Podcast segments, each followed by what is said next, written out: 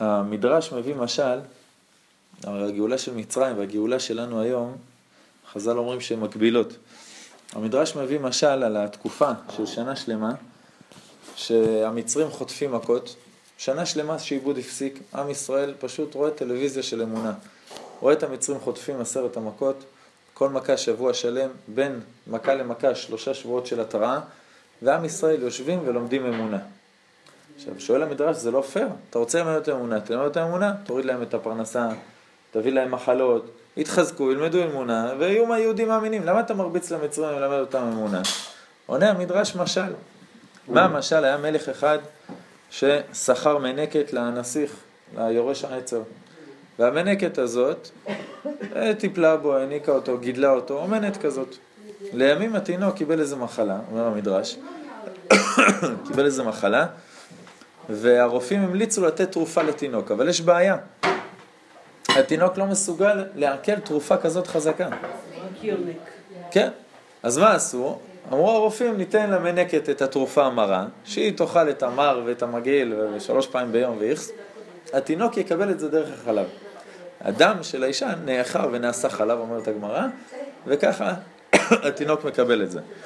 צועקת המנגד, אומרת, מה, מה קרה? למה שאני אקבל מר? אני משלמים לי להעניק, לגדל אותו, לא לאכול דברים מגעילים. אומר לה המלך, גברת, מאיפה הוא קיבל את המחלה הזאת? את אחראית עליו, את שומרת עליו, את משחקת איתו, את מניקה, מאיפה הוא קיבל? מאיפה הוא נדבק? ממך. אז את תקבלי את התרופה, ודרך זה הוא יתחסן. אותו דבר אומר הקדוש ברוך הוא למצרים. וירעו אותנו המצרים, מה זה וירעו אותנו? זה לא עברית. עברית קשה שפה, וירעו לנו. אומר המדרש, וירעו, הם עשו אותנו רעים. מזה שהיינו אצלם כל כך הרבה שנים, ולמדנו מהם דברים לא טובים.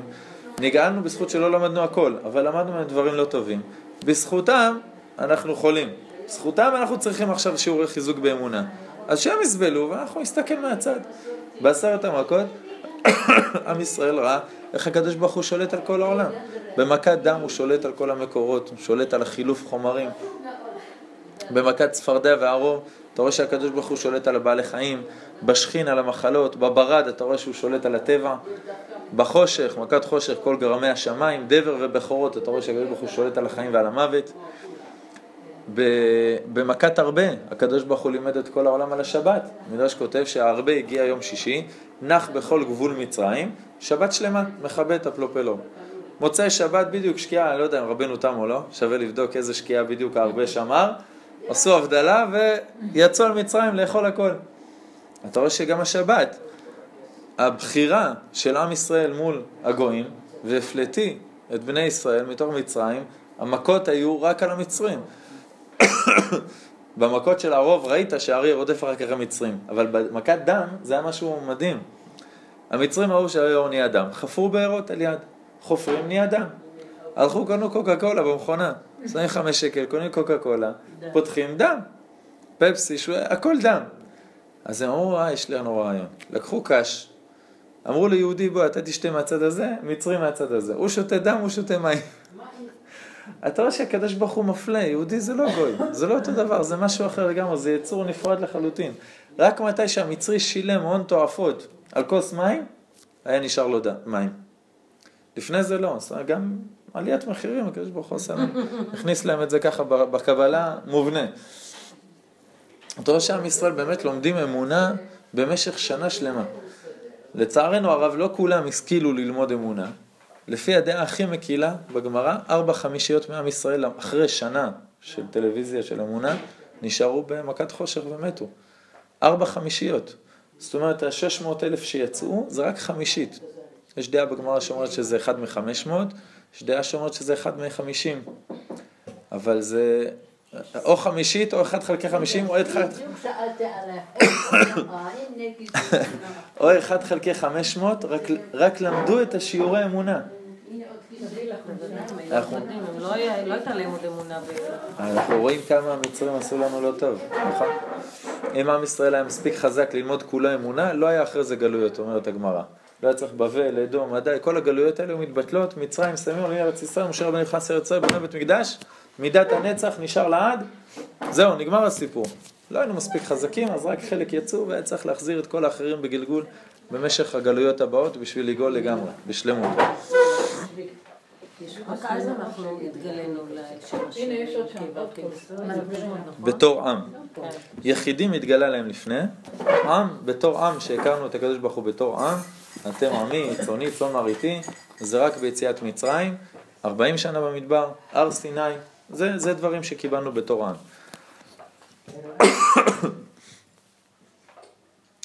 המצרים תבוא, בסדר? אנחנו נשארנו עם האמונה הזאת.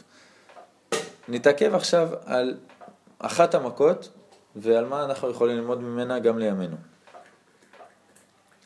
אומר הפסוק, בוא אל פרעה ואמרת אליו, כה אמר השם שלח את עמי ויעבדוני, כן, let my people go, מפורסם, ואם אין אתה לשלח, הנה אנוכי נוגף את כל גבולך בצפרדעים. מה כתוב שם בפסוק? שהוא מאיים עליו בצפרדעים, אבל מה יוצא מהיאור? ותעל צפרדע. אומר המדרש, עלתה צפרדע אחת. עכשיו המצרים אמרו, רגע, צפרדעים, אנחנו מחכים עם מקלות, חיכו עם מקלות על היאור. עלתה צפרדע אחת ענקית, D9, בגודל של D9, התחילו להרביץ לה, כל מכה, מלא צפרדעים, מלא. כל... אנחנו מניין, לא עשרה אם לא היית בא, מה הייתי עושה לה? אם לא הייתי באה, אז הייתי באה. מוציאה חוזה. בואי לפה, שימי רגל אחת פה, רגל אחת שם. את יכולה? כן. יותר. מצליחה? כן, שנייה. יופי. תביאי את הכיסא לפה. הנה בואי, פנינה. יש מקום לכולם.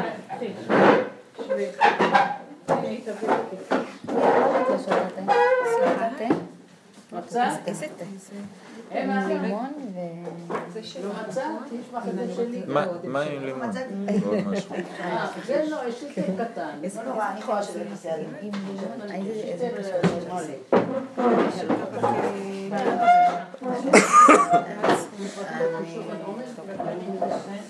טוב, לא חשוב, אל תטריחי אותה, לא משנה. פאני, פאני, את שמה רק לימון בפנים, נכון? לימון? אין עלי, כדי אין להראות עלי. לעם ישראל את הכוח של הקדוש ברוך הוא, לא? להכיר להם, כן. ההיכרות. מכת צפרדע עלתה צפרדע אחת, המצרים הרביצו לה בלי לראות בעיניים, כל מכה יוצאים מלא מלא צפרדעים, כל צפרדע שמרביצים לה יוצאים ממנה עוד מלא צפרדעים, ותער לצפרדע, כל מצרים התכסתה צפרדעים, כמו שכתוב בפסוק, ותער צפרדע ותכס את ארץ מצרים. צפ- צפרדע אחת מכסה את כל ארץ מצרים, היא נכנסת לכל המקומות. כל, כל פעם שהרביצו, לא, לא יכלו להשתלט על זה כנראה, הרביצו בלי סוף, יצאו עוד מלא צפרדעים. ויקרא פרעה למשה ואהרון ואומר העתירו אל השם ויסר הצפרדעים ממני ומעמי וימותו הצפרדעים מן הבתים מן החצרות ומן השדות. מכת צפרדע, דרך אגב סתם משהו טיפ שלא מכירים אותו, המדרש כותב שכל מכה הייתה חוזרת על הפרעה ועל החרטומים. זאת אומרת, היה, הייתה מכת דם על כולם, נגמרה שלושה שבועות, אחרי זה היה צפרדע. לפרעה ולחרטומים היה דם וצפרדע ביחד. אחרי זה היה להם דם צפרדע קינים. דם צפרדע קינים הרוב. הם קיבלו כל אחת עצרת, כאילו ממש עשר, אחרי זה תשע ושמונה, שש, ממש. פשוט מדהים. זה השתבח שם, היה שם דברים מאוד מדהימים. אם לומדים איך את הפרשים, הלך שהוא קיבל את כל המכות, הוא לא מיהר אה, לשחרר. כי הקדוש ברוך הוא פסוק. מפורש, כן. הקשיח את ליבו, שיחטוף הכל. כמו שהרופאים בודקים את זה, אלה שמגיע להם מלקות, נותנים להם סמים, מחזקים אותם, שיחטפו את כל המכות, שלא ימותו בטעות באמצע. אם אתה משתייך את זה להיום, כל, כל אה, מקום שמנסים להרע לנו, כשטורקיה ניסתה להרע, נתנו לו כל כך הרבה צרות, עכשיו הצרפתים עם ה... מה שהם רצו לעשות, תראה, אני אומרת, צפרדעים וצפרדעית עם הקועקוע הזה, זה מאוד קשור. אנחנו נדבר בסוף על צרפת בעזרת השם. זה, זה חלק מהנושא של השיעור, העלייה לארץ ישראל. נגיע לזה עוד מעט. מכל רע יוצא טוב. אמת. בכל אופן, מכת צפרדע, תחשבו, תדמיינו את זה, מאוד קשה לחיות עם הדבר הזה. גם דם וערוב ושכן זה לא פשוט, אבל מכת צפרדע, בשטיפה של הרצפה נכנסו לך צפרדעים, הן היו מבקעות את השיש של הרצפה ועולות מכל מקום, לעשות לך לתנור, בתוך האוכל, בן אדם היה נותן ביס, היה ראשן, ראשן קטן בתוך העוגה, בתוך הבטן היו מבקעות להם את הבטן ומשגעות אותם הקרקורים והכל, במיטה, בשירותים, היו עולות להם מאסלת צפרדעים ומסרסות אותם, ככה אומר המדרש. לא יכולים להתפנות, לא יכולים לישון, לא יכולים לאכול, לא יכולים לחיות, לא- כביסה, רצפה, אין. הלכו להם החיים, בסדר? החיים נגמרו רק מה, מהדבר הזה. המדרש כותב שזה מידה כנגד מידה. הם הרסו לבני ישראל את החיים, לא נתנו להם לישון, לא נתנו להם לחיות, לא ללקק את הפצעים, לא להוליד דלתות, הורידו את כל הדלתות של הבתים של היהודים. למה? שלא יהיה פרטיות, שמצרי יוכל להיכנס אותם. הרסו להם את החיים בלי מנוחה, לא שבת, לא חגים, לא כלום. אין בעיה, גם אני אהרוס לכם את החיים למשך שבוע, אבל ממש ממש חבל הזמן, מידה כנגד מידה. הגמרא לומדת מהצפרדעים דבר מדהים. אומרת הגמרא בפסחים, נ"ג, דבר שאני הייתי נעלב. היו אומרים לי שאני לומד את זה מצפרדע, כאילו מה, תביא לי חז"ל, תביא לי תורה, פסוקים, גמרות. לא, לומדים את זה מהצפרדע. חז"ל לא מתביישים, לומדים דברים גם מגויים, כיבוד הורים, לומדים את זה מדמה בנטינה שהיה גוי, שזה כמה הלכות וכמה גמרות יפות נאמרו בשמו. תסתכל מסביבך בעולם, תראה הרבה דברים שהם קשורים לקדוש ברוך הוא. אומרת הגמרא, איך ידעו חנניה, מישאל ועזריה שמותר להם לקפוץ לתנור בשביל למות על קידוש השם? אומרת הגמרא, נכון, נשאו קל וחומר בעצמם מהצפרדים. ומה צפרדים שלא מצווים על קידוש השם? כתוב עליהם, ובאו בתנוריך ובמשערותיך. מתי משערות מצויות בתנור? מתי העיסה נמצאת בתנור? בשעה שהתנור חם. אנו שמצווים על קדושת השם על אחת כמה וכמה. חנניה, מישל ועזריה. החליטו למות קידוש השם מקל וחומר מצפרדים. נבוכדנצר, התחלה של הסיפור זה שנבוכדנצר שם פסל בגובה של 60 אמה, 30 מטר, כל אמה זה חצי מטר, 30 מטר פסל, ושם לו מזהב, ושם לו בפה שלו את הצלם, ושם בפה של הצלם את האורים ותומים. יש לנו את החושן שעל הכהן הגדול על החזה שלו עם השמות, האבנים טובות הכל. האורים ותומים זה לא החושן, האורים ותומים זה פיסת קלף עם שם מפורש מסוים, שהייתה נמצאת מאחורה בתוך כיס בד מאחורי האבנים. והכהן שהיה שואל באורים ותומים היה עושה ייחודים על הפיסת קלף הזאת, ואז האותיות בשבטים היו מהירות. החושן בלי הקלף לא שווה הרבה, זה לא עובד. היה צריך גם סייעתא דשמיא לפענח נכון את האותיות, אבל זה הקלף שהיה עושה את העבודה. נבוכדנצר לקח את הקלף הזה, שם אותו בפה של הצלם, מה הפה הזה אומר? אנוכי השם אלוקיך. הוא אומר מה, ש... מה שהקלף אומר בעצם לאבן, כשהקדוש ברוך הוא מנהיג של כל העולם. וכל הגויים היו משתחווים לפסל הזה, ואיך פסל זהב 30 מטר, רק הגובה זה כבר מרשים, והוא גם מדבר ואומר דברים מרשימים, בכלל משתחווים אליו. הוציא נבוכדנצר הוראה, כל אומות העולם משתחווים לפסל הזה בשעה זאת וזאת, ביום הזה והזה, כולם מגיעים להשתחוות. חנניה, מישל ועזריה באים ליחזקאל הנביא, ואומרים לו, הוא היה אז גדול הדור, אומרים לו, אנחנו רוצים למסור את עצמנו לקידוש השם.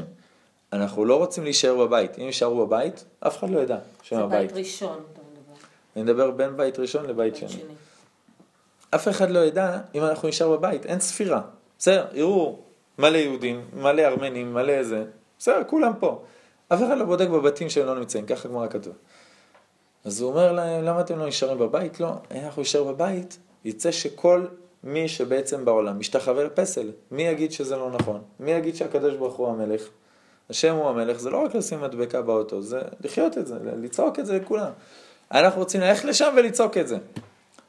אז הוא אומר להם, מה אתם רוצים ממני? תשאל את הקדוש ברוך הוא אם זה מותר, אתה נביא. שואל את הקדוש ברוך הוא, הקדוש ברוך הוא אומר, הם ימותו. אם יעשו את זה, הם ימותו. מקבלים את התשובה הזאת, אומרים, יופי, שתי ציפורים לקחת, גם נעשה קידוש השם וגם נעלה למעלה למקום הכי גבוה שיש. נזכה למות על קידוש השם. דבש. להתאבד על הקדוש ברוך הוא, זה נקרא במילים אחרות, למות על קידוש השם. כן. דבש. אבל בשביל זה הם הלכו ליחזקאל. אמרו, מותר, אסור. הוא אמר, מותר, אבל אתם תמותו. מותר, למדו מהצפרדעים, אבל אתם תמותו, השם לא יציל אתכם. קיבל אס.אם.אס מהקדוש ברוך הוא, נביא. אומר, השם לא יציל אתכם. הלכו לשם, נשארו עומדים. מתי שהשמיעו את הגונג הזה, כולם משתחווים, שלושה קוצים עומדים באמצע, מציקים למלך בעיניים. החיילים קופצים עליהם, גוררים אותם, הסיקו תנור שלושה ימים, כבשן, הסיקו אותו שלושה ימים, שיהיה בוער בוער בוער, זרקו אותם לבפנים, מרחוק, שהשומרים לא יישרפו, והגמרא מתארת עשרה ניסים שנעשו במשכן, שהדופן שלו נהייתה שקופה, שכולם רואים אותם מטיילים בפנים. עכשיו, הגמרא מספרת שהמלאך גבריאל בא להציל אותם מהאש. מרוב שהאש הייתה חזקה, המלאך גבריאל נכווה, והם עושים עליו רוח, לגרר אותו. אין לי הסבר לגמרא הזאת, איך מלאך שהוא עושה מלאכה ברוחות והוא עשוי מאש, נכווה, אבל כאילו הם בכלל לא קשורים לאש, הם מקררים את המלאך, בוא אנחנו נעזור לך, כנראה שלמלאך? לא היה מספיק זכויות בשביל להינצל מהאש לעומתם. או שהבגד שהוא עטה עליו כדי להגיע לעולם הזה לא היה מספיק חסין אש, לא ברור. אבל הם היו צריכים לקרר אותו, והם הולכים שם בתוך האש עד שהמלך צועק להם עם מגפון שיצאו, והכל בסדר והוא לא יעניש אותם, והם לא מתים. ויש שם עשרה נשיאים שהכבשן התפוצץ אחרי זה ושרף את כל מי שכן השתחווה, והיה יהודים שטבעו, זה, זה גמרא הזויה, יהודים שטבעו ברוק של גויים שירקו עליהם. מרוב גויים שהיו שם שירקו עליהם, היו יהודים שטבעו, ולמה ירקו עליהם, אומרת הגמרא? כאלה ניסים יש לכם מהקדוש ברוך הוא שלהם ושלכם ואתם משתחווים? אם לא היה את השלושה האלה, באמת היינו חושבים שהפסל הוא אלוקים. ובאמת ביזו את כל היהודים שנכנעו לפסל. ואז הם יוצאים שם בשלום, באים ליחזקאל, אומר להם, "למה אמרת לנו שנמות? חיכינו, חיכינו, חיכינו, ולא נשרפנו, דווקא היה שם ממש סבבה. אומר להם יחזקאל, הקדוש ברוך הוא אמר את זה כדי לנסות אתכם. אם אתה יודע שלא תשרף אתה קופץ לאש, זה לא בדיוק ניסיון קשה. אבל אם הקדוש ברוך הוא אומר לך אתה תמות, ובאמת אתה, לא, אתה קופץ לאש, אז שווה, מגיע לך להינצל. בכל אופן, הם ניצלים מהאש, לא ניצלו באש, ניצלו מהאש, ואחרי כמה, אחרי איזה שבועיים, דניאל מבקש רשות מנבוכדנצר, הוא היה אחד מהשרים שלו, לעלות לפסל לדבר איתו. הוא אומר לו, תשמע, הפסל הזה באמת מרשים, אני רוצה לדבר איתו, לשאול אותו כל מיני שאלות באמונה. והוא מטפס על הפסל 30 מטר שם, ומגיע לפסל, אומר לו, אתה מבזה את הקדוש ברוך הוא, זה פסל דומם, אתה מבזה את הקדוש ברוך הוא, לוקח לו את האורים והתומים מתוך הפה שלו, ואומר לו, תקשיב, אין מצב שיש לך רשות לעשות את זה. אסור לך לעשות ככה, אתה מטעה את כל הגויים, וירד. ברגע שהוא ירד, הפסל עשה שני צעדים והתאבד. כאילו, הפיל את עצמו על הרצפה, כדי להישבר לרסיסים. הפסל. על קידוש השם. וכל הגויים לקחו חתיכות זהב, אומר, אומר המדרש, כל הגויים לקחו חתיכות זהב מהפסל הזה, להם הביתה, וזה ההוכחה שהשם שולט. ככה הם אה, עשו, עשו קידוש השם נורא ואיום, למדו את זה מהצפרדעים, למה לא? הכלי יקר כותב, רצה הקדוש ברוך הוא ללמד שהמוסר עצמו על קידוש השם, ינצל. לפיכך מתו כל הצפרדעים שלא עלו בתנורים, ולא נשארו חיים, רק אלו שנכנסו לתנורים. כי הרי כשהקדוש ברוך הוא אמר להם, לצפרדעים, שייכנסו לכל המקומות, היית יכול להיכנס גם לפוך. בתור צפרדע הייתי בוחר להיכנס לפוך, לדגדג את, ה, את פרעה שם מתחת לפוך. והיו צפרדעים שבחרו להיכנס לתנור, אף אחד לא הבטיח להם שהם לא ימותו. תנור זה, זה חום, זה בוער, זה נשרפים. האלה שהיו בפוך מתו. כשנגמרה המכה והתבאש מצרים, נהיו שם מיליארדי גוויות של צפרדעים מסריחות שהיה צריך לפנות שם מחלקת העירייה. הצפרדעים של התנורים נשארו בחיים. אומר הכלי יקר, מה אתה לומד מזה? אם אני נותן משהו לקדוש ברוך הוא, אני בחיים לא אפסיד. אני רוצה לתת את החיים שלי לקדוש ברוך הוא, להפסיד מזה בטוח לא. למדנו את זה, היה לנו שיעור שלם פה, אני חושב שזה אפילו פה אצלך, על מסירות נפש. דיברנו שם על יצחק אבינו, שאומר התרגום הנתן ועוד כמה מפרשים, וזו זוהר מפורש, שיצחק אבינו נגזר עליו לחיות 37 שנה. ואם אברהם אבינו לא היה עוקד אותו, הוא היה מת. בזה שהוא עקד אותו ומסר את עצמו על קידוש השם, יצחק שהסכים לעקדה, הוא קיבל נשמה חדשה. רק בזכות העקדה. ברוכה הבאה. יש עוד כיסא? אה?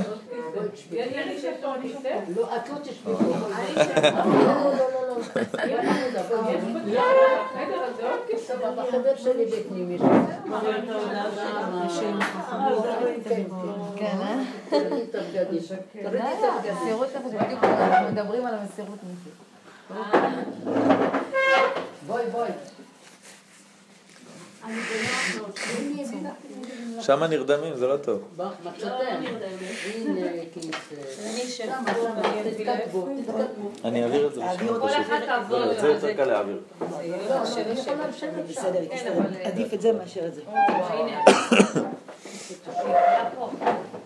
יש פה כריות, אם את רוצה. ופה שיהיה לכם יותר נוח. לא, כאילו עושים על הכיסא.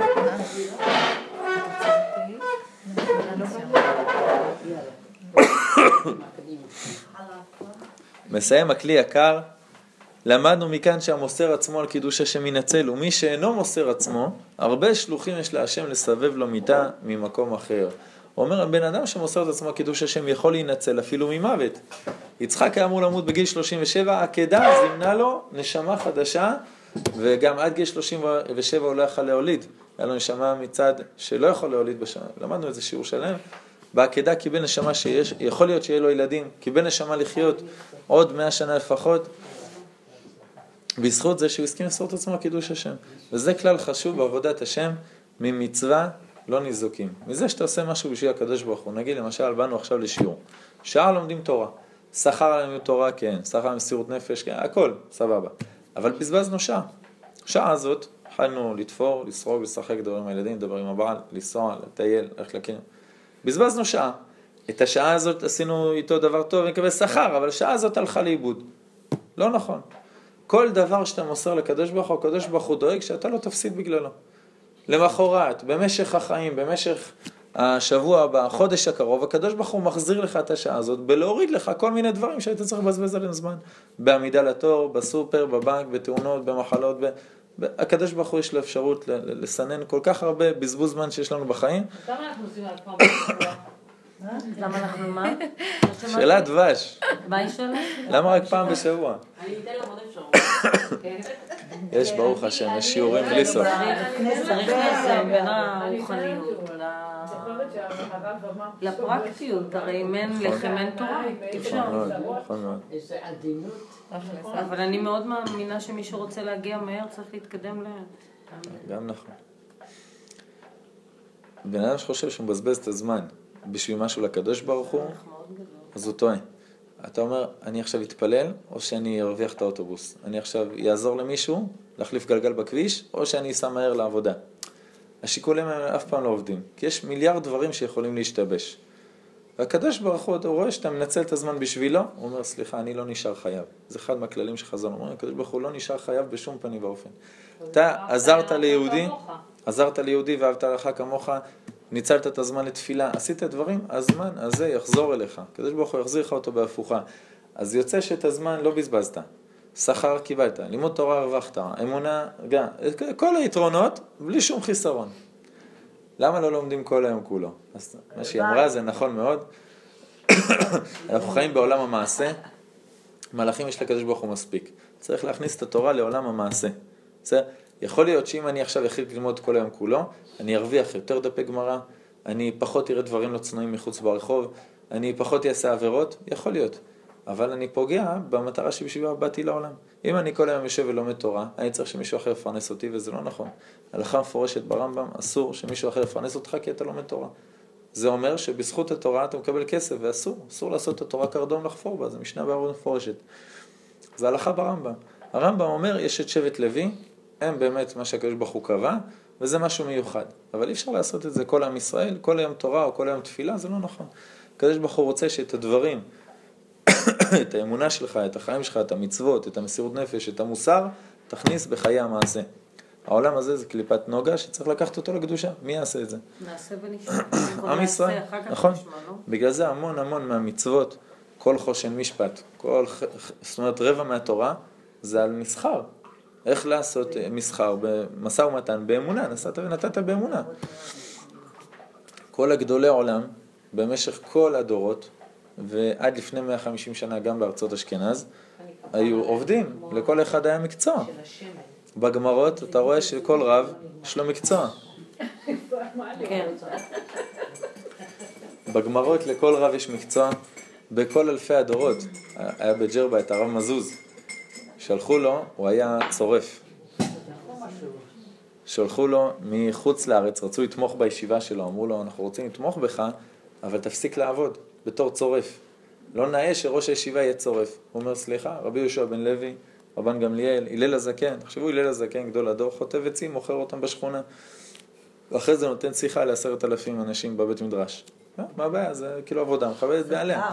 אז הוא אומר להם ככה, ככה הרב מזוז כותב להם מכתב, ככה נהגנו אלפי דורות, רבותינו ורבותיהם ורבותיו עד, לעם ישראל במצרים.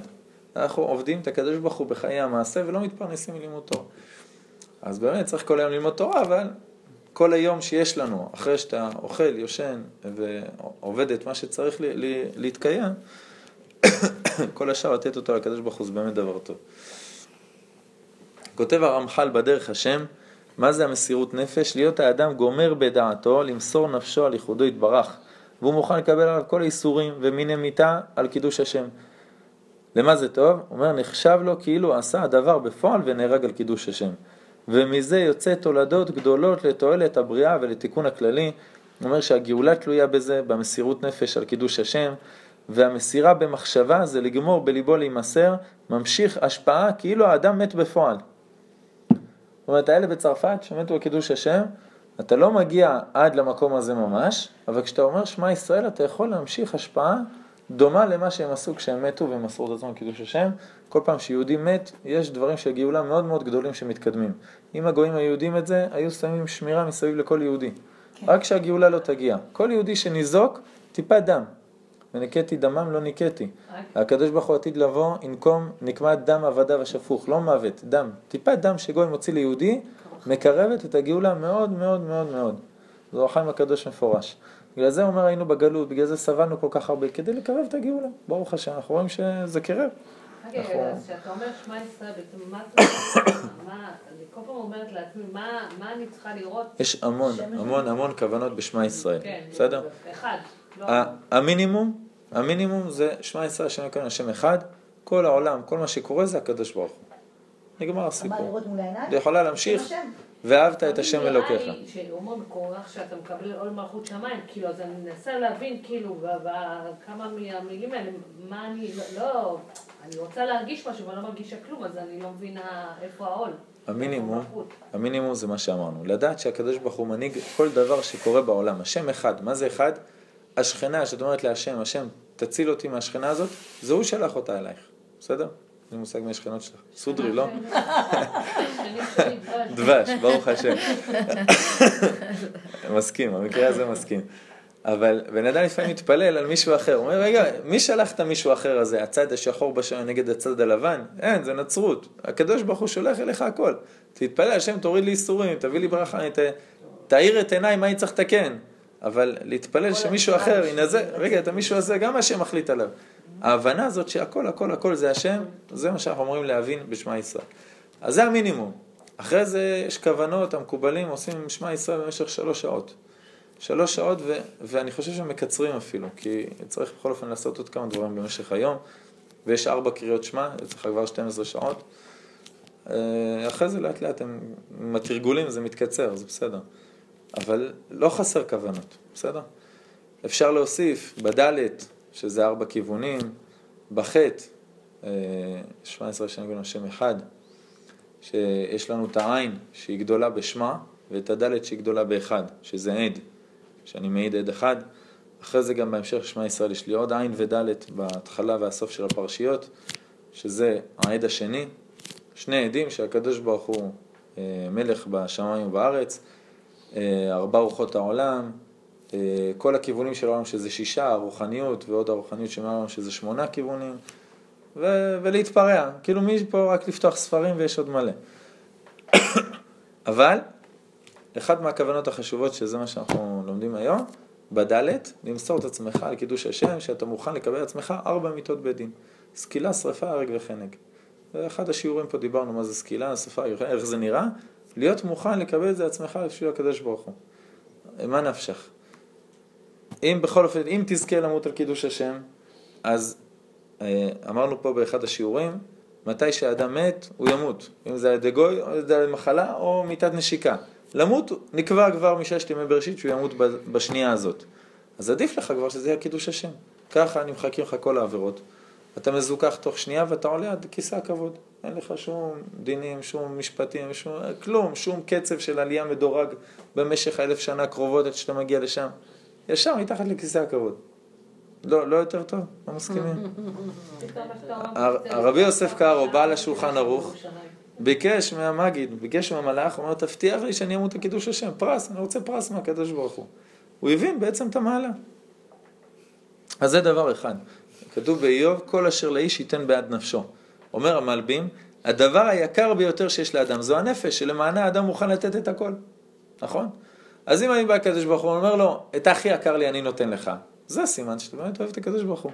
כאשר אדם מוכן לעקוד את הדבר היקר הזה למען השם, זה עוד וסימן מובהק שהוא אוהב את הבורא אהבת נפש. אומר הרמח"ל באדיר במרום, לא תיקרא אהבה, אלא אם תגיע להשתוות חיים ומוות, כמו שכתוב, עזה כמה אהבה. זה אהבה, השם אני מוכן למות עליך כפשוטו עכשיו. הרבה יותר קל, דרך אגב, זה, המדרש כותב את זה בשם רבי חייא. רבי חייא היה אומר במדרש, אני מוכן למות על קידוש השם כל שנייה. בכיף, לא בעיה, זה שנייה של סבל ואתה מת. מה אני לא מוכן? הוא אומר, זה, זה לי מאוד קשה, איסורים על קידוש השם. אם יענו אותי, לא, זה כבר קשה לי מדי. העינויים, האיסורים, זה יותר... וזה בן אדם אומר, אני מוכן למות על השם, אבל השם נותן לו איסורים אחרי זה יום שלם, הוא אומר לו, זה אני לא מוכן. זה אין לי כוח. לחיות על קידוש השם זה הרבה יותר קשה מלמות על קידוש השם. זה שנייה וזה חיים שלמים. אבל האור חיים הקדוש אומר, המסירות נפש הזאת, אומר את זה על פסוק, מה תצעק אליי, דבר אל בני ישראל וייסעו, אומר האור חיים הקדוש, מה, מה אתה רוצה עם משה רבנו? למי הוא יצעק? לפסל? לאום כולתום? למי? הוא צועק לקדוש ברוך הוא. אז אומר האור חיים הקדוש, מה תצעק אליי, דבר בני ישראל וייסעו, הוא אומר עכשיו עם ישראל הם במקום שלא לא תפילה ולא תורה ולא שום דבר. מה אני רוצה מהם? מסירות נפש. מסירות נפש, אז ייבקע הים. ואז נחשון בן אבינדב קפץ לים, רק בשנייה שהוא הוריד את האף מתחת למים, נבקע הים. יעני, אני מוכן למות. זה מטבע שעוברת בכל העולמות. אה, עולמות שתפילה לא עוזרת להם, תורה לא עוזרת להם, זכות אבות לא עוזרת להם, שום דבר.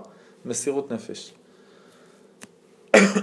ולמדנו בשיעור הקודם שאם בן אדם כמה שיותר מוסר את הנפש בשמע ישראל, הוא חוסך אנשים שימותו בפועל. כי הוא מביא את הגאולה יותר מהר, לא צריך שאנשים ימותו בפועל. אז זה ממש הצלת חיים, לכוון בקריאת שמע, אני מוכן למות על קידוש השם, לכוון את זה באמת, לחשוב על זה. שאני באמת מוכן למות על קידוש השם, בשבילך הקדוש ברוך הוא נותן את הכל, אתה מקדם את הגאולה בלי צורך לשפוך שום דם של אף אחד. איך הדבר הזה מתבטא בחיי היום-יום חוץ מהכוונות של השמע ישראל? אומרת הגמרא שרב פאפא שואל את אביי, מה ישנה ראשונים דתרחיש לאוניסא ומה ישנה אנא דלה מתרחיש לאוניסא. רבי יהודה כי אבא שליף חד מסנא התמיתרא ואנא כמה מצרי נפשי מצווח כצווחין על ידי משגרון. שואל רב פאפא את אביי, רבי יהודה בדור שלפנינו, הדורות שלפנינו, הראשונים, הוא היה מוריד את הנעל כדי לשבת בתענית, כדי שירד גשם, רק עם זה שהוא מוריד את הנעל היה יורד גשם. אנחנו מורידים את הנעליים ושמים אפר, מוציאים את התיבה לרשות הרבים, צווחים כל היום ואף אחד לא מסתכל, אין ענן, אין כלום, אף אחד לא מסתכל עלינו. הוא אומר לו למה? זה לא פייר. אם זה בגלל שהם ידעו יותר תורה, אנחנו יודעים תורה יותר מהם. הם לא ידעו את כל ההוויות של, של גיטין וקידושין וקדושה וטהרות, לא היה להם את זה, ואנחנו יודעים את כל זה. אנחנו בקיאים מזה הרבה יותר מהם. אז תורה יש לנו יותר, תפילות אנחנו עושים הרבה יותר, הם מורידים את הנעל, יש גשם. למה? אומר לו אביי קמאי הראשונים אבו קמאסרי נפשי או קידוש השם. הם היו מוסרים את הנפש של קידוש, בלי חוכמות. יש בעיה, טראח, אני מוכן למות על זה. מתאבדים על עבודת השם. אנא לא קמאסרי נפשי או קידוש השם. הוא אומר, אנחנו לא. אנחנו הולכים לישיבה כשיש לנו את התה לואיזה עם הננה, יש לנו מיזוג, יש לנו את הספר מודפס, הכל בסדר. אצלם זה למות. היו כל התלמידים של רבי יהודה בן בבא, רבי יהודה בן בבא, אם אני לא טועה, או בן בטרה, היה רבי יהודה בן בטרה בנציבים, כל התלמידים שלו מתכסים עם בגד אחד כדי ללמוד תורה, מרוב שהיו עניים. והוא ואשתו, היה להם גם רק בגד אחד עליון. היא הייתה צריכה לצאת בשוק, הוא היה נשאר בבית. אין לו מה ללבוש, כי ללכת לישיבה. הוא ללכת לישיבה, היא נשארת בבית. למה יש רק בגד אחד? עניות מרה, והם מוסרים את הנפש של קידוש השם. לא, לא מוותרים. לומדים תורה וממשיכים ועובדים את השם והכל. עכשיו, הגמרא שם מביאה סיפורים של מסירות נפש. היא לא מביאה סיפורים של אנשים שמתו, היא מביאה סיפורים של אנשים שבחיים מסרו את הנפש. על עניות ועל צרות ועל... אבל מסירות נפש של חיים, לחיות על קידוש השם. לא סיפורים של, לא חסר גמרא סיפורים של אלפיים שנה של, של יהודים שמתו, על קידוש השם, עשרת אגודה, לא. מה המסירות נפש שלהם? הביאה דוגמאות מחיי היום-יום. שהצטערו, או שהיה להם משהו מאוד חשוב וזה, והקריבו אותו, יש שם סיפורים על פרנסה, שהקריב פרנסה, כסף, בריאות, אה, זמן, על, על הקדוש ברוך הוא, שאפילו שהיה חשוב לו מאוד. אז מה זה לחיות על קידוש השם, שזה בעצם למות על קידוש השם כל רגע ורגע, להמית משהו שחשוב לי, כי עכשיו השם צריך את זה, זה בעצם להכניס את זה לחיי היום-יום, שאם עכשיו יש לי משהו שאני אמות ואני לא אעשה את זה. סתם אני אקח מצווה או עבירה או איזה משהו שאני רוצה להתחזק בו, אבל הוא קשה לי ברמות. אין, אני, זה אני לא עושה, זה מטורף. זה למות על קידוש השם. את זה תהרוג, את זה אתה אומר, את זה השם אני לוקח בשבילך, חסך את החיים של יהודים כפשוטו. פחות יהודים ימותו. אתה שומע על פיגוע שיש בצרפת או משהו, אני לפחות בתור כאילו חייל במילואים, אני שומע על זה, אני אומר, יא רבי נחמן, רק אם הייתי שם אקדח, נשק, אוטו, משהו, הייתי עושה משהו למחבל, מציל חיים של יהודים. הקדוש ברוך הוא זיכה את הערבי המעבול הזה שם מהסופר להציל 15 יהודים, לא, אני גם רוצה. אתה, אתה מת לעזור. הנה, יש לך משהו איך לעזור. אתה רוצה להציל יהודים? תכוון את זה, תקבל את זה עצמך. במשך היום פתאום אתה מגיע לאיזה משהו, אתה אומר, זה הכי קשה. אני, אני אישית, כאילו, אני לא יכול להגיד שאני מצליח בזה, זה מלחמה יומיומית, אבל, אבל זה הדרך. הגעת לאיזה משהו בשביל הקדוש ברוך הוא, ואתה אומר, הטובה שלי האישית, הנוחות שלי האישית, או השם? חסר לנו התלבטויות כאלה במשך היום? לא חסר, במשך השנה גם לא חסר, אלפי פעמים. בנקודה הזאת, האם אתה הורג את האישיות שלך, מה שהיא רוצה מבחינת עצמה? סתם, אקח דוגמה הכי לא קשורה, אתה רוצה עכשיו להתפלל ובא לך לנוח. הגיע זמן תפילה ובא לך לישון, לנוח, סתם לעשות משהו אחר. זו הדוגמה הכי קלה, יש דברים הרבה יותר קשים. לשכב או להתפלל? יש אה, בספר של הרב סבתו, תלמיד של הרב סבתו, שהוא מספר על החיים שלו בצבא, כל השירות הצבאי מבחינת חייל דתי. והוא אומר שיש חייל שנזכר אה, בערבית, הוא שוכב בסק"ש, אחרי יום של אימונים, גמור, מת, התפשט, נכנס לשק שינה, בחוץ קור אימים, ואז הוא נזכר שהוא לא התפלל ערבית. עכשיו מה מתחיל לעבור לך בראש? ערבית זה רשות. רק עם ישראל קיבלו את זה על עצמם כחובה. אבל עם ישראל לא היו בצבא בקור כזה, ולא היו אחרי יום אימונים. אולי לא דיברו על מציאות כזאת. אולי קיבלו רק אם זה היה בית כנסת עם מזגן עם חום. ובכלל אני מחר צריך להיות ערני, יש לי מחר יום אימונים, זה הצבא, זה קדוש, זה עם ישראל, זה הצלת ישראל מהצער, שלוש מצוות דאורייתא כל יום אתה מקיים שם.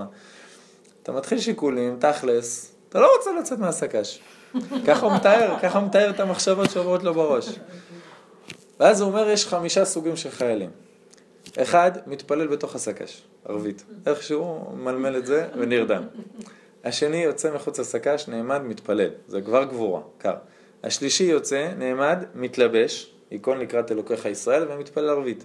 ערבי מתלבש והולך לבית הכנסת ומתפלל, ואומר, החמישי זה בן שהולך לבית הכנסת ומתפלל כאילו הוא לא איתם כל היום, זאת בכוונה נוראית וזה והכל, רבע שעה של תפילה. הוא אומר, ולפעמים, זה, חמישה מקרים האלה זה אותו בן אדם. זאת אומרת, יש היום שאתה ככה, יש היום שאתה ככה. עכשיו אתה מגיע להתלבטות כזאת. אתה יודע, אז כל התירוצים, כל המחשבות, גם אם זה גמרות מפורשות, זה תירוצים, זה עצלנות, אתה לא רוצה לקום. ו- ומצד שני יש את הקדוש ברוך הוא, שציווה אותך לעשות משהו, ביקש ממך לעשות משהו. חסידות שקיבלת על עצמך, מנהג, אם זה עבירה בכלל. מה אתה עושה? זה מסירות נפש, זה לחיות על קידוש השם. אחד מהדברים הכי הכי קשים, נסיים ככה בדבר הזה, שהוא מאוד מאוד אקטואלי להיום, אחד הדברים הכי קשים, אני לא יכול להגיד את זה על עצמי כי אני נולדתי פה בארץ, אבל זה לעשות עלייה. הדור שלפניי, מבחינת ההורים שלי, מסרו את הנפש על זה. ההורים שלהם מסרו את הנפש ממש. זאת אומרת, דור שהרגו את עצמם, היו בתקופות של צנע, השאירו את כל הרכוש בחוץ לארץ, עברו טלטלות נוראיות בשביל להגיע לארץ ישראל, עברו פה מלחמות, צרות, אסונות, הכל. המון ילדים, גם אני, אתם בטח יודעים יותר ממני, אבל התמותה של ילודה בדורות האלה הייתה נוראה. זאת אומרת, היה 13 ילדים, אז שמונה מתו. או שלושה מחמישה, דברים מפחידים. מה הם עברו? כי ארץ ישראל נקנית בייסורים. היום זה הרבה יותר פשוט, ועדיין היום, אם הייתי גר בצרפת, אני לא יכול להגיד שהייתי עולה. סתם, אני לוקח את צרפת כי היא בכותרות עכשיו. זה לעזוב את החברים, את הקהילה, כן. את המשפחה, לעזוב את העבודה. ואתה עולה עכשיו לארץ לא נודעת. גם אם אתה עובד בטלפונים בצרפת, זה עדיין, זה סיוט חבל הזמן. זה, זה מסירות נפש, זה הדבר שהוא להרוג את עצמך ולהגיע למקום חדש. הילדים שלך עכשיו צריכים להשתלב בבית ספר ולא בטוח כמה הם יודעים. אתה ואשתך לכו תמצאו עבודה עכשיו. לא פשוט. דוד שלי, לא פשוט שפה מאוד לא פשוטה. השליחות שלנו להיות בארץ ישראל. אני איתך. לכן קיבלנו אבל את המכות. אה, למרות שזה נשמע מאוד רע מה שאני הולכת להגיד, אני הולך להגיד את זה עוד מעט, כן? זה בסדר. כדי להגיע לארץ ישראל. צודקת בכל מילה. אה, דוד שלי, זיכרונו לברכה, אה, הוא נפטר השנה. הם אמרו, אנחנו עולים לארץ, נמות, אין אוכל, כלום. עלו לארץ, בלי למצוא עבודה, בלי כלום, עלו לארץ, היו פה שלושה ארבעה חודשים, אין, אין, לא מוצאים עבודה, הוא רופא, לא מוצאים עבודה, והוא רופא מאוד מוערך בצרפת, לא מוצאים עבודה. אחרי ארבעה חודשים הוא אומר, אני חוזר לצרפת. אבל אתה לא יכול לחזור לצרפת, אתה, אתה צריך לחיות בארץ ישראל, הילדים שלך צריכים לגדול בארץ ישראל, הכל ארץ ישראל, אחרי אלפיים שנה. אז הוא אומר, אני אחזור לבד. הוא היה נוסע לצרפת, נשאר שם כמה שבועות, משאיר את המשפחה היהודים בארץ ישראל, ועובד, ואז חוזר שבוע עם המשפחה, חגים עם המשפחה. זה סיוט לא נורמלי. ועוד להיות בפריז, בלי המשפחה שלך, זה בעיה כשלעצמה, בלי קשר לגעגועים. הבן אדם צדיק, קדוש, טהור, רב, מאוד גדול, והיה מנותק לגמרי מהמשפחה שלו, עם כל הקורבנות שזה כולל. למה? העיקר שהוא בארץ ישראל. לא משנה, שום דבר אחר לא משנה. הוא נפטר לפני כמה חודשים, זכרונו לברכה, זכר לברכה, וזה מסירות נפש, הייתי בהלם. הייתי בהלם. אין, כשאתה אומר ארץ ישראל, אחרי זה נראה, זה, זה מסירות נפש. עכשיו, הגמרא כותבת שכל הכישלון של בית ראשון, שהוא נחרב והתחיל הגלות של אלפיים שנה עד היום, זה היה בגלל שלא עלו מספיק יהודים בסוף הגלות של בית ראשון.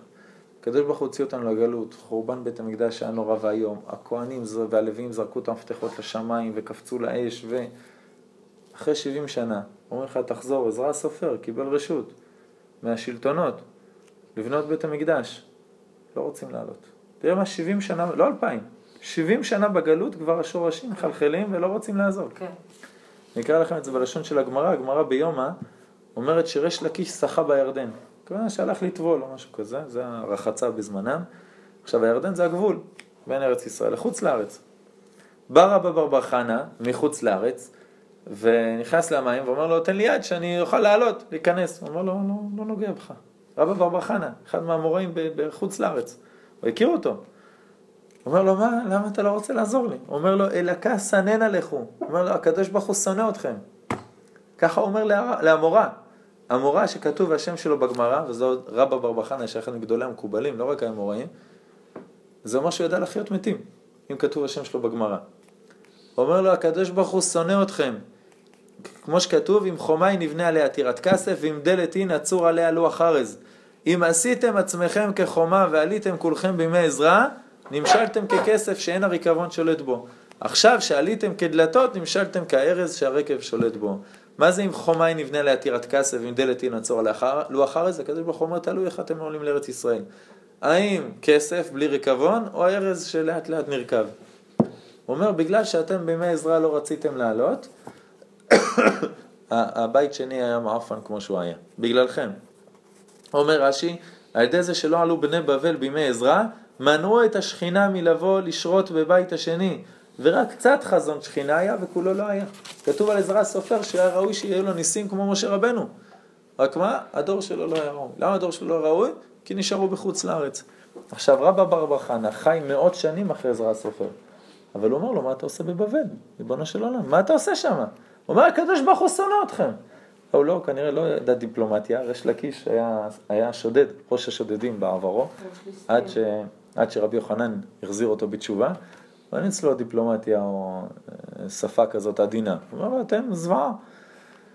עכשיו, מאות שנים אחרי זה, הוא אומר לו, הקדוש ברוך הוא שונא אתכם. לפי הגמרא, אם באמת הייתה עלייה שלמה של ארץ ישראל עם עזרה, אז הייתה חוזרת השכינה והעצמאות. לפי הרמב"ם, עצמאות ישראל מחזירה את השכינה לארץ ישראל. ובגלל שלא עלו, גם פירוש המכבי על שיר השירים כותב, פשטתי את כותנתי איך אכל בשנה, רחצתי את רגלייך אחת ענפם, פירש אבן עזרא, שנתעצלו ישראל לעלות ולבנות הבית. איזה זוועה הייתה בחורבן בית ראשון? 70 שנה הספיק להם לשכוח הכל. כותב מצודת דוד, הנה נתעצלתי לעלות לירושלים, לפי שכבר נתיישבתי בבבל, והייתה ארץ ההיא ערבה עליי, ולא רציתי לטרוח בטלטול הדרך, וקמתי אני לפתוח לדודי, ואצבעותיי מור עובר על כפות המנעול, פירש אבן עזרא, הנה השכינה לא נכנסה עמהם, כן, דודי חמק עבר, בגלל שהמשרות וכל אחד הייתה משכורת, וראשי ישיבות והכל, לא, סליחה, יש לנו פה, הכל בסדר. אני אקריא לכם את הראשון של ים הבנים שמחה, היה לי זמן להעתיק אותו לדף. זה הרב טייכטל, אחד מגדולי הדור הקודם שנרצח בשואה, השם ייקום דמו. רש"י כותב שבימי עזרא, אלו שישבו בשלווה בגולה לא הלכו איתו. רק העניים והמדוכאים עלו עמו, כמו שכתוב שדלת העם, כן, פסוק מפורש בעזרא, ואומר אסמע, שראה בספר, אה, שראה בספר מעשה ניסים לרבנו אליעזר מגרמייזה, בעל הרוקח, שעזרא שלח איגרות לכל ערי הגולה שיעלו אותו לארץ ישראל. ובא מכתב כזה גם למדינת אשכנז, לעיר וורמס, שדרו שם ישראל וענו לו. מה ענו לעזרא הסופר? שבו אתם בירושלים הגדולה, ואנחנו נגור פה בירושלים הקטנה. תראו איך הם קוראים לחוץ לארץ, אחרי 70 שנה. כי היו חשובים מאוד בעיני השרים והערלים, והיו עשירים גדולים, וישבו בשלום ובשלווה, ולכן שכיחים, שכיחות גזרות גדולות וקשות בארצות אשכנז ובקהילת ורמייזה, יותר משאר הקהילות. כי בחורבן בית ראשון באו התיישבו שם, ואחרי 70 שנה לא הסכימו לעלות. אומר האם הבני שמחה, באמת אנו רואים בקורות ימי ימינו, שכל הצרות והגזרות יצאו מארץ אשכנז כמו שהוא בימינו. הוא כותב את זה תוך כדי השואה הספר.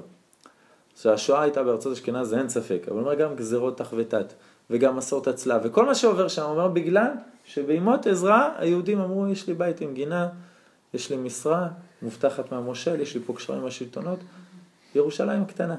ראשי ישיבות, ראשי ישיבות אומרים יש לנו פה ישיבה עם 300 תלמידים, למה להרוס הכל לעלות לארץ ישראל? הוא אומר זה החטא של המרגלים.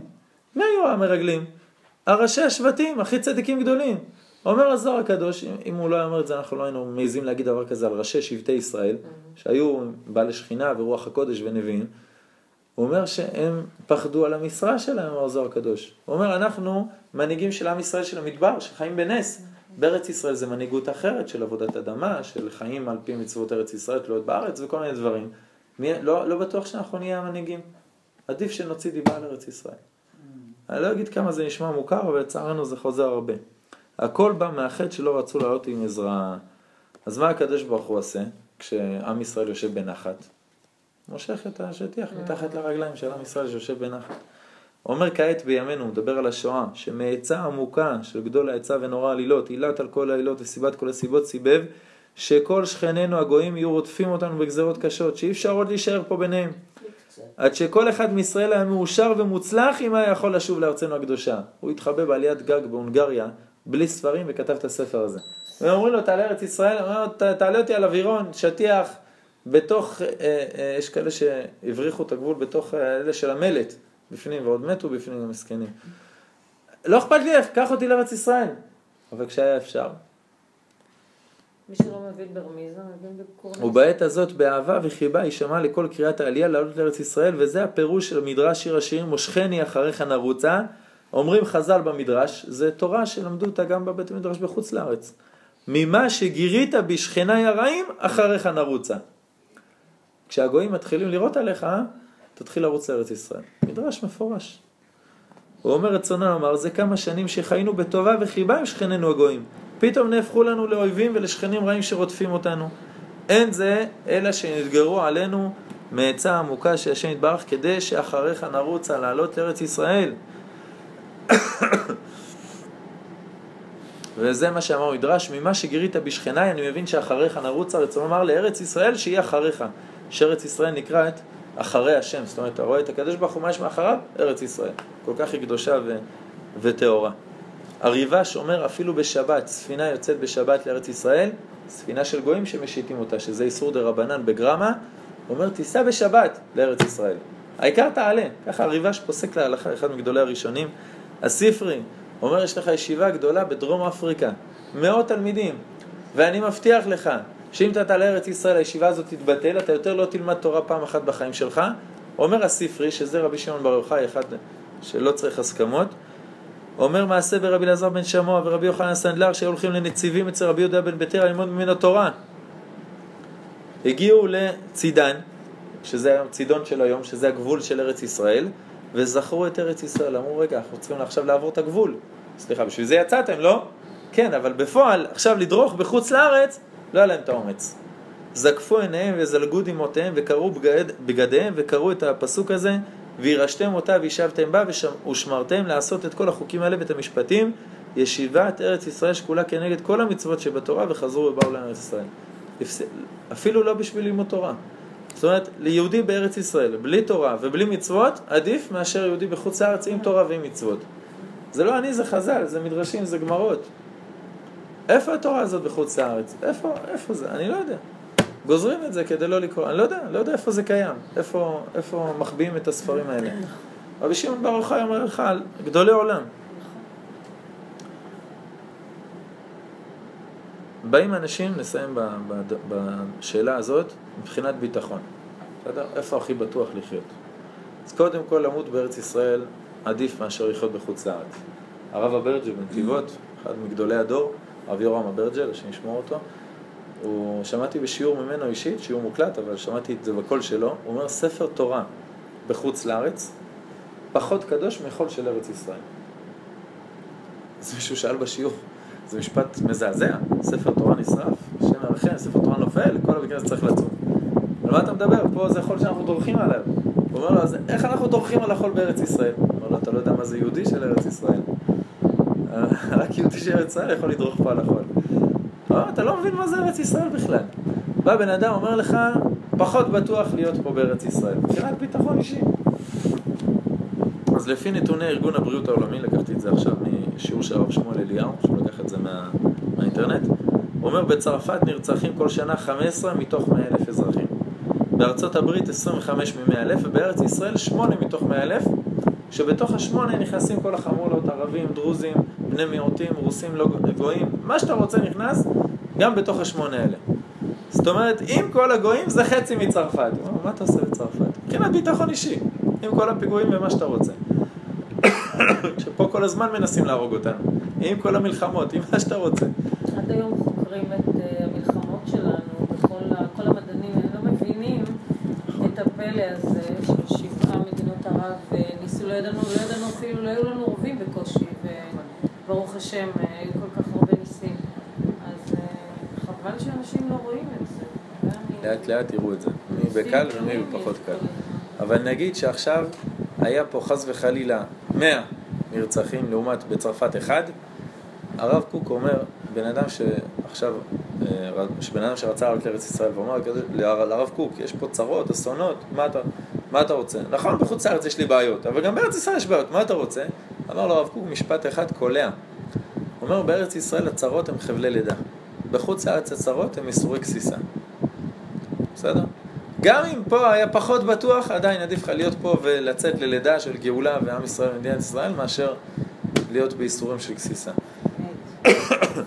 זה שיעור שהוא בארץ ישראל, אנחנו לא גרים בצרפת, באנגליה ובאמריקה, אבל אנחנו יכולים להתחזק בדבר הזה משני דברים. קודם כל, אם יש לי אפשרות לטייל, לבחור לטייל בארץ ישראל. הרבה יותר טוב. הרבה הרבה יותר טוב.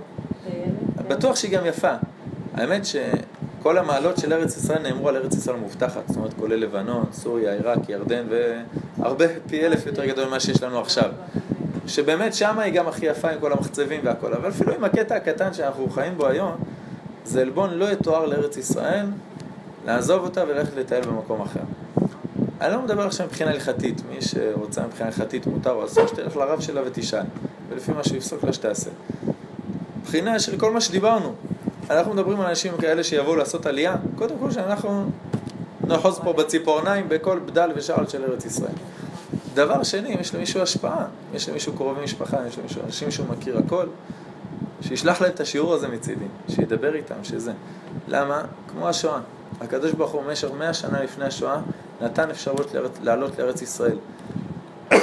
בהתחלה שלוש אחוז עלו, אחרי זה שלושים אחוז עלו, ובשואה כל מי שרק יכל עלה, כל מי שנשאר.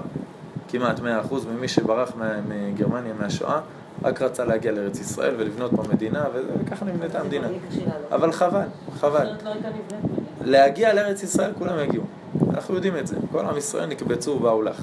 השאלה איך. אז זה כדאי לה- להעביר להם את המסר. כמה שיותר מהר, בכמה שיותר בקלות. עם הרכוש שלך, עכשיו אתה יכול לעשות את זה אפילו עם הרכוש, בהמשך לא בטוח. בעזרת השם, יהי רצון שזה יהיה ברחמים. בעזרת השם.